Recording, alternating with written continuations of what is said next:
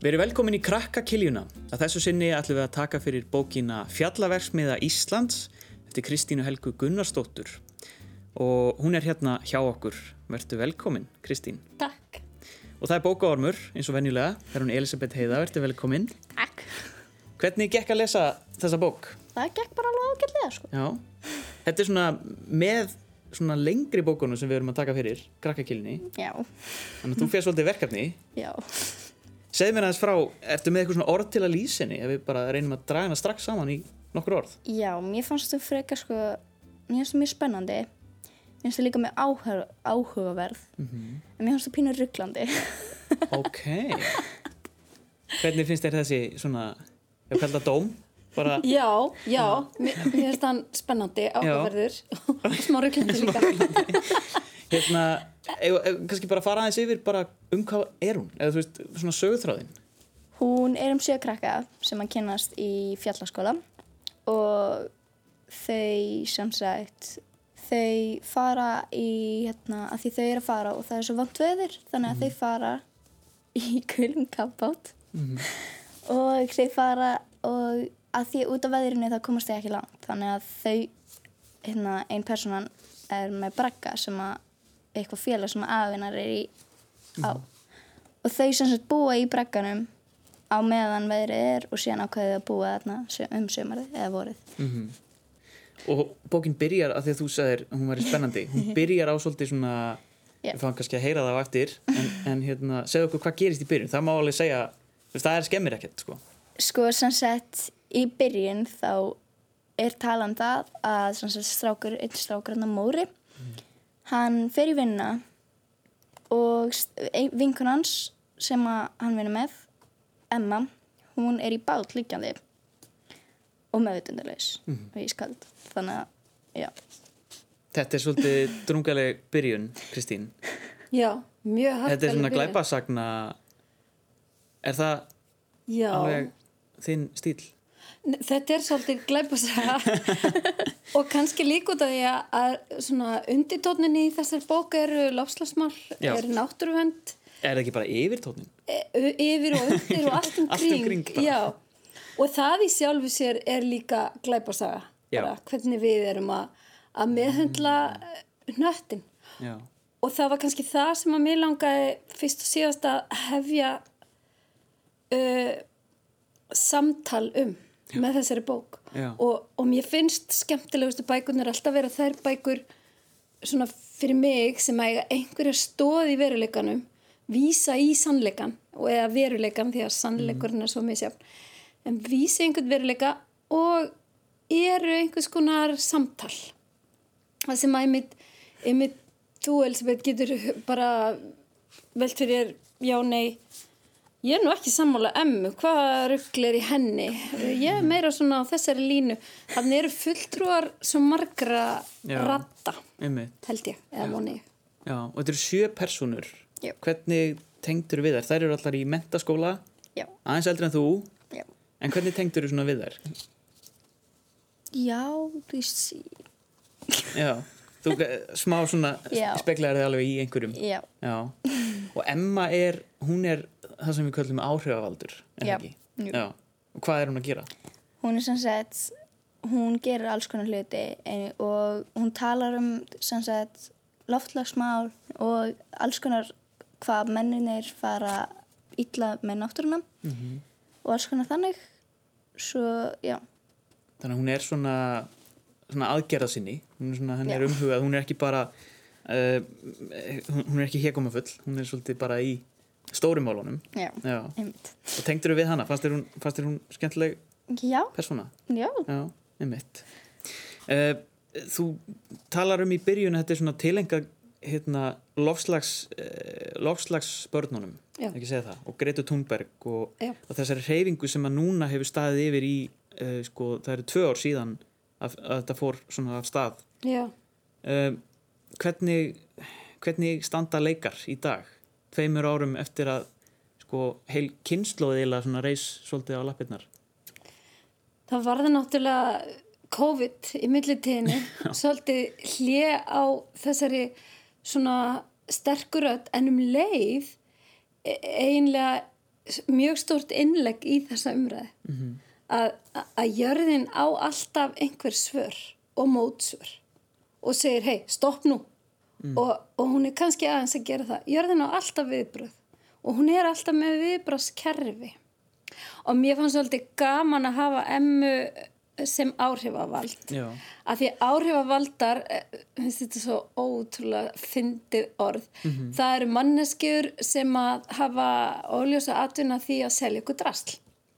Og, og hérna en hafum leið áhrif inn til okkar og geta haft áhrif á hugmyndir okkar Já. um bara hvað okkur finnst líka þannig ég oft veldi fyrir mér að, að þessar dúllur og- sem eru á ferðinni að selja okkur alls konar uh, fyrirbæri, dótdrasl og, og, og drauma mm.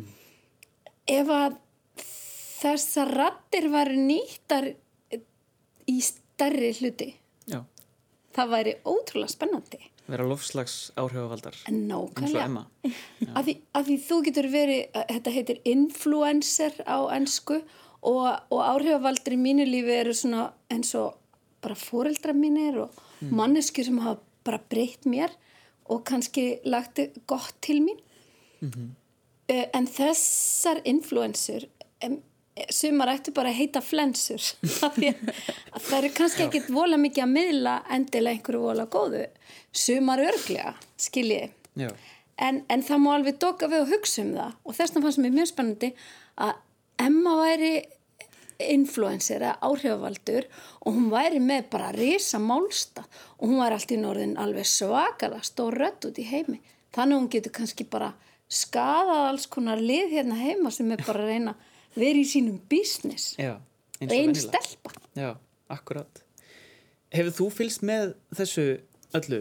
Greitu Túnberg og þessum verkföllum og... Ég hef ekki fylgst mikið með þessu en ég veit alveg ummyndað þannig að því en er Greta Túnberg áhrifavaldur? Þú veist, ef við bara berum þær saman svolítið, em, Emmu og Gretu. mér finnst það. Já. Við Mér svona finnst gera svipaða hluti. Það er, það er allavega sömu mál sem að svona brenna á þeim. Já, og Emma fær margt lánað bara af sko svona þekktum tilvísunum í Gretu sko, Já. fær frá henni.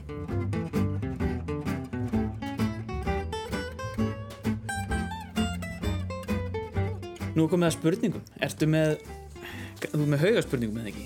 Já. Fyrsta spurningi mín er hver var hugmyndin eða innblásturinn af bókinni? Sko hugmyndinni mitt er eh, svolítið Greta. Ég, mér finnst svo ótrúlega stórkostlegt að börn takja skarið og leiði umræð. Auðvitað, eru þessi krakkar eh, hérna, verða fyrir áhrifum af fullortnum og fullortnir af þeim. En mér finnst bara það að það eru krakkar á heimsvísu að leiða eitt mikilvægasta samtali sem við eigum um plánituna.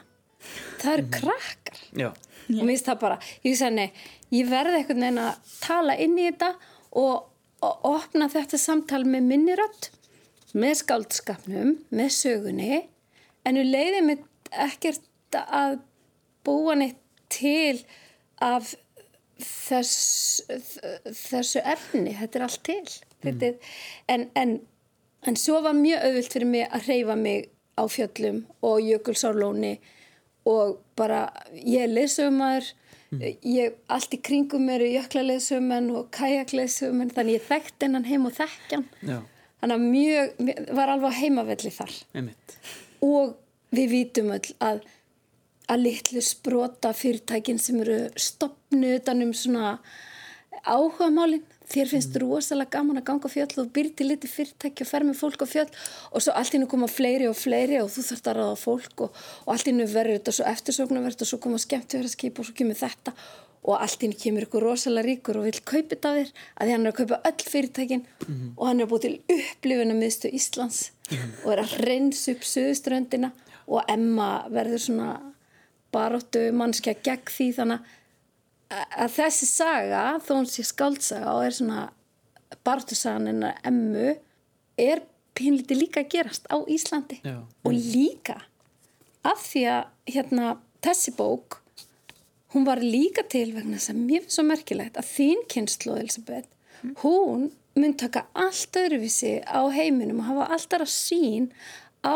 bara öll málefni og veröldina og umhverfismál og allt sem hann heldur um mín kynnslóð út af því ég veit að mín kynnslóð lítur allt öðruvísi á þessi mál heldur en kynnslóð fóreldra minna og ég tala um ömmu minnar Já. sem fætt 1888 fyrir 132 árum þannig að við breytum svo rættum skoðun Já. og þá er svo gott að eiga samtal og til þess eru bækur Til ekki síst. Fleiri spurningar? E, já, sem sagt, bara hvað finnst ég skemmtilegt að lesa? ég les allt en, en ég finnst finnst það óbúslega gaman að lesa sögur sem byggja á einhverjum veruleika á einhverju reynslu. Og eiginlega kannski eiksta með aldrinum. Einu sinni vildi ég bara lesa fantasíur og skáldskap alveg. Núna er ég alltaf að máta það sem ég les við raunveruleikan hmm, hefur þetta gerst? Gæti þetta gerst? Ellimerki, ég veit ekki Þetta er allavega áhugi á, á, á bókum og sögum sem hverfur aldrei. Nei, aldrei aldrei, bara versnar Já, nákvæmlega. Um, já, síðan var ég líka með af hverju byrjar þú að skrifa bækur? um, Ég hugsa alveg ef ég fer bara alveg aftur í sko fimm ára ég verða að fara þanga því ég las rosalega mikið sem krakki og ég las og las, ég las allt og ég las passíusálmana fyrir ömmu mína þegar ég var pínu lítil mm. og, og, og þannig bara held ég að sko þegar ég er kona þinn aldur þeir eru búin að lesa svo mikið að, að, að það vex bara á hérna að lesa og, og þá verður auðveldur að skrifa og skrifa dagbækur og svo er ég koni í mentaskóla og þá langar mig allt í hennu bara að fara í bladamennsku og ég var í bladamæður og fréttamaður í tíu ár en svo fekk ég hundlega að skrifa sannarsögur mm. og ákvað allt í hennu bara nei, nú ætlum ég bara að skrifa mína eigin sögur ekki einhverja fréttir Já, akkurat. uh, mér langt svolítið að spyrja, er að því þú nefnir bækur sem þú last þegar þú varst yngri, uh, voru, voru einhverja bækur sem þú getur kannski bórið saman við nútíman að þessu leiti, þar að segja um umhverfismál, eða þú veist, eru, er einhverja svona sambarlegar sem að taka þá umræðu? frá því ég var lítil ekki umhverfismál, ekki það ég muni eh, nema þá svo mikið sko undir rós og einhvern veginn meira svona eins og hugmyndafræði eh, einhver svona grundtótt mm. einhver bara svona kannski eh, rómatísk náttúrufjörð en núna eru málefnin svo brín að við þurfum bara að leggja það á borðið og tala um þau Já.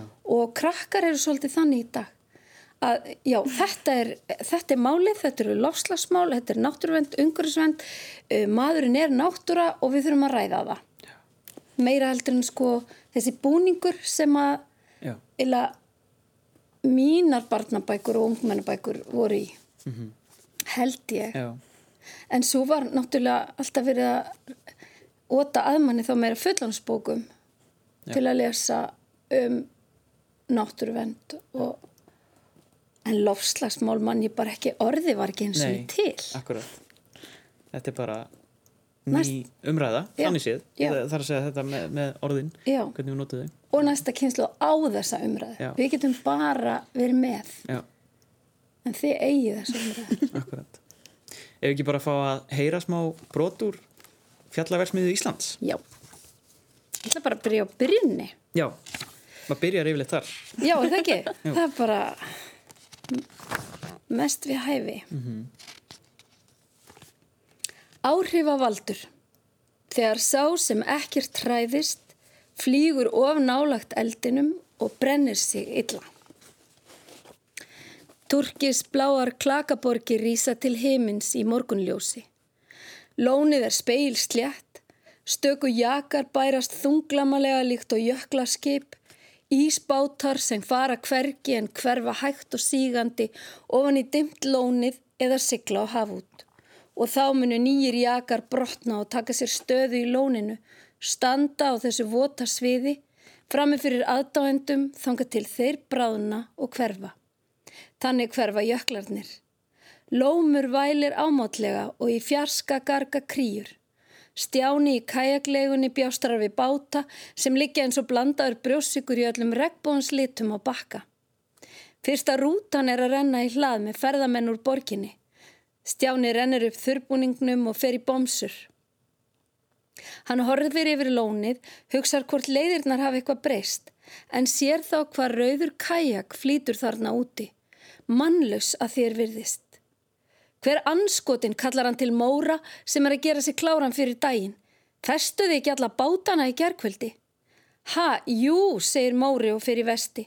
Ég fest alla sem ég var með en Emma gekk síðust frá held ég. Hefur þið séð hana? Hún var ekki heima þegar ég fór. Hefur kannski sofið hér í nótt, bætir hann við og losar grænan kajak undan keðju sem tengir alla bátana. Jöfuls kærileg segir þetta í ykkur, urra stjáni. Róa sig gamli. Móri snarar kajaknum út í vatnið. Ég sæki bara bátinn, þetta er ekkit stórmál. Hann rær af stað, stríkur vatnið með árinni, þjætt og ákveði klífur hún speilstjættan flött og Móri fjarlægist land. Hann heyrir aðeins óminn af nöldrinu í stjána en nálgast rauðabátinn sem damlar mjúklega utan í lári Jakaborg. Honum sínist báturinn fullur af dóti. Himnarnir hrinja þegar hann áttar sig á því að Emma liggur í bátnum. Hún liggur þarna eins og vatnadís með krosslaðar hendur á brjósti og kreftan nefa um íseksi. Hún er ekki í þurbúningi, bara í göngubuksum og fjallaskóm, í appelsínugulu úlpunni að rendri. Hárið, dögt og þygt er vandvirknislega breytt út í geistlakrans, umhverjus höfuðið og steinvölum raðað í hringofana hárið eins og dýrlingamynd í steindum kirkjuglukka. Sveipurinn er friðsall og það er líkt og hún sofi, en hún sefur ekki. Hann heyrir sig öskra, heyrir í sjálfum sér öskra nafniðanar aftur og aftur. Hann finnur sig hamast á bátnum, hrista hann og rugga. Í örvendingu augnabliksins hugsa hann þú rögfast og festir krók í likki á stefni rauða bátsins. Hann rær lífróður tilbaka. Ringdu á sjúkrabílstjáni, Móri er frávita af hraðslu og hryllingi. Ringdu strax á helviti sjúkrabíl og lögreglu, það þarf lögreglu líka. Ögnablikið hverfur, hann man ekkert, finnur ekkert en æðir upp úr bátnum og dregur þann rauða langt upp á land. Stjáni kemur hlaupandi frá skúrnum, jökul kvítum kaffustofu gámi sem að hýsir kajakfyrirtækið Lónalóma EHF. Móri grúfir sig yfir rauðabátinn, finnur ekki lífsmark, um leið og hann hrópar í fáti og örvendingu eitthvað um sjúkrabíla og lögreglu, er hann styrkur og örugur og grýpur emmu í fangið. Hann fær auka kraft, þennan kraft sem fólk fær þegar lífið likur við. Móri þrýfur sterklega stelpuna upplíkt og hún sé úr fysi, gætir að höfði, að það reyfist ekki á mikið og heldur því að sér í handakreika. Hann æðir með hann að skúrnum þar sem hann leggur hann að varlega á nestisborð fyrir utan. Móri losar född frá hálsi emmu, storknað blóðir á nakka, hann leggur hönd á brjóst, fingur á púls, finnur brjósti bærast, kannski eitthvað örlítið en veit ekki hvort það er óskækja. Hún er ísköld, bláleit og framandi eins og klakadrottning úr æfintýri. Svona byrjar þetta. Já, þetta er spennandi. Takk hjá alveg fyrir. Já, takk og til hafmyggjum með bókina Takk fyrir það þetta er, þetta er ekki bara spennandi þetta er líka gott innlegg inn í umræðinu um lofslagsmál og, og umhverfismál Mikilvægt samtal Já, mikilvægt samtal Takk fyrir að koma í þáttinn Kristín Helga og segja okkur frá bókinniðinni Takk, takk Elisabeth fyrir að koma í þáttinn og, og lesa bókina Takk báðar Já, takk. Já, takk. Og ef þið viljið vera með í krakkakilni koma hingað og vera bókaormar þá endilega sendi okkur línu á krakkarúf hjá rúf.is annars segjum við sem bara lóki í dag. Takk hjá.